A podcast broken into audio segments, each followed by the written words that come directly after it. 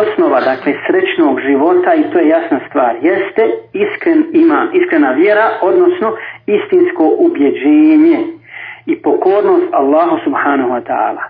Samo te stvari mogu uspostaviti harmoniju u porodici, u braku i mogu uticati na ispravan odgoj, mogu pomoći u ispravnom odgoju djece. U ispravnom odgoju djece. Spomenut ćemo, mi i djecu, inšala u ovom, u ovom našem kratkom obraćanju, ali kad, kad smo već ovdje, kad smo sad spomenuli taj odgoj djeci, vjerujte da se malo pažnje obraća e, inače se malo računa vodi o tome šta znači odgojiti jedno samo dijete. Tako mi Allaha, ja smatram i ubijeđen sam u to da vrijedi i živjeti na Dunjaluku zbog odgoja samo jednog djeteta. Ako čovjek uspije da u svom životu na Dunjaluku odgoji dijete u islamu, bilo muško, bilo žensko, poslanik se selam kaže, ko odgoji dvije kćerke u islamu, lijepo i odgoji, da budu pokorne Allahu Đelešanuhu, da znaju cilj svoga života i da ih uda kao takve, njemu je žene zagarantovan.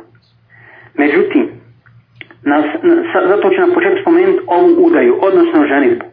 E, to je jedan, jedna tačka, jedan moment koji ja želim spomenuti, koji je vezan, koji je usko vezan za sreću u porodici. Koga, uda, e, koga, koga oženiti? Za koga udati kćerku? Ili za koga se udati ako se radi već o djevojkama koji će, o sestrama koji će sami slušati ova predavanja i tako dalje. Šta to udaje ženu? Poslanik sa nam je objasnio to. Udaje ljepota i metak, porijeklo i vjera. Ljepota nestane brzo, porijeklo, tako, porijeklo ti neće ništa koristiti bez obzira da, da, je, da, da, je, carska kćerka. Ako postoji vjera, to je temelj. To je temelj. Međutim, i ova, i ova stvar i ova stvar se često puta pogrešno razumije. Zašto se pogrešno razumije? Dakle, vjera, iman jeste temelj. Ljepota i metak su također bitni. Nisu nebitni, ali su oni ogranci. Ogranci koji te kako pomažu, oni su nadgradnja, ogromna nadgradnja koja, koja uljepšava tu zgradu i, po, i učvršuje te temelje. E, dakle, ne treba ih zanemariti. E, I ti ogranci često puta mogu biti sebe, sebe rušenja, rušenja temelja. Rušenja temelja e, našeg života, odnosno našeg braka, naše porodice i tako dalje. I ko je kriv za to? Dakle, krivi smo ja i ti. Mi smo sami krivi, mi smo sebe tih problema. Evo, čovjek dovede mladu djevojku koja je mlađa od njega 15, 20 e, godina i tako dalje. Nakon izvjesnog vremena dođe do razočarenja, e, njoj ne od do braka, e, ona osjeća da se nije iživila, da, je, da se prevarla i tako dalje. Često puta takva braća koja žene takve djevojke kažu ja ću odgajati. Molim Allah da mi pomogne, da ustrajem u tome i tako dalje. E, ja smatram da to nema istinskog osnovca na Allaha Đelešanu, da je to nerealno posmatranje stvari.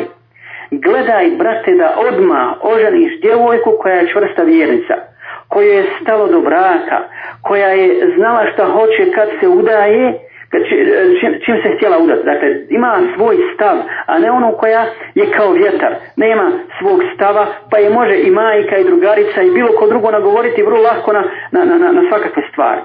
Tako isto žena i djevojka kad se, kad se udaje. Nemoj se udavati za nekoga koji je sumnjiv na samom, na samom startu. Neka klanja redovno, druži se sa lošim društvom, ali da bi se svidio po ljepoti ili bogatstvu ili ima nekakav društveni ugled, poznat je popularan u društvu, u, u, svom, narodu, odnosno u, u, u skupini s kojom se on druži i ti se zbog toga udaješ. Nemoj sutra nikoga kriviti osim sebe kad postaneš zapostavljena, kad postaneš samo čistačica u kući, kad se razočaraš u brak. Dakle, vrati se na početak. O čemu si razmišljala i šta ti je bilo na prvom mjestu, subhanallah. Nemoj lagati samo sebe. I kada do, pa šta kaže poslanik sellem, braćo? Kada dođe neko, pogledajte ovoga i poslušajte molim vas ovaj hadis poslanika sellem. Zato kažem, e, nismo mi ispravno razumijeli vjeru. Nije dovoljno samo kazati praktična primjena sunneta u sunnetu našem životu. Prije toga trebamo razumjeti sunnet poslanika sa selem. Trebamo razumjeti šerijat, Kur'an i sunnet. Ako i ne budemo razumjeli, vallahi nećemo znati u našem životu. I tu nastaje kuršus.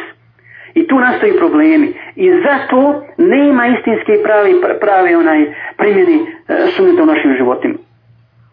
Kada vam dođe, kaže Selem, neko sa čijom vjerom i ahlakom ste zadovoljni, udajte svoju čerku za njega.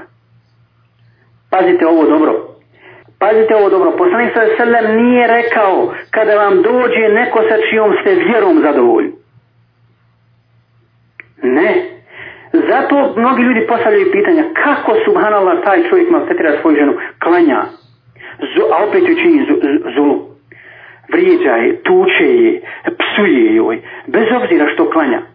Poslanik sallallahu alaihi ve sellem nije ostao nedorečen, nije ostao jer on oma jente عَنِ Hava in vahju ne govori po hiru svome. Objava koja mu se obznanjuje, a objava je precizna, svaki harf ima svoju svrhu. Nije džaba rekao poslanik sallam kada vam dođe neko koji ima lijepu vjeru, sa lijepom, dakle koji je iskreni vjerni i još šta sa dobrim i lijepim ahlakom.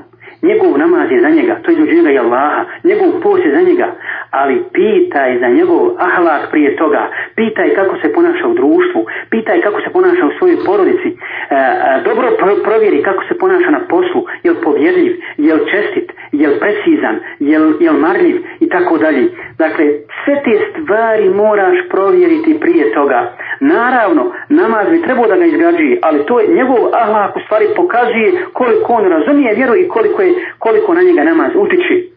Jer kod ne do Allah mnogi od namaza neće imati ništa. Kaže sam sallam, inna salata tenhanem Kaže Allah čanu, inna salata tenhanim fahšaj wa munkar. Namaz odvraća od ružnih dijela i razvrata.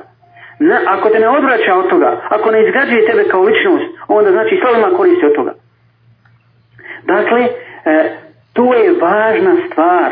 To je važna stvar. Prva stvar koju sam želio, želio spomenuti, a to je dakle prilikom udaje, prilikom, prilikom ženitbe, treba pa, e, paziti dobro na, na, na, na ovaj izbor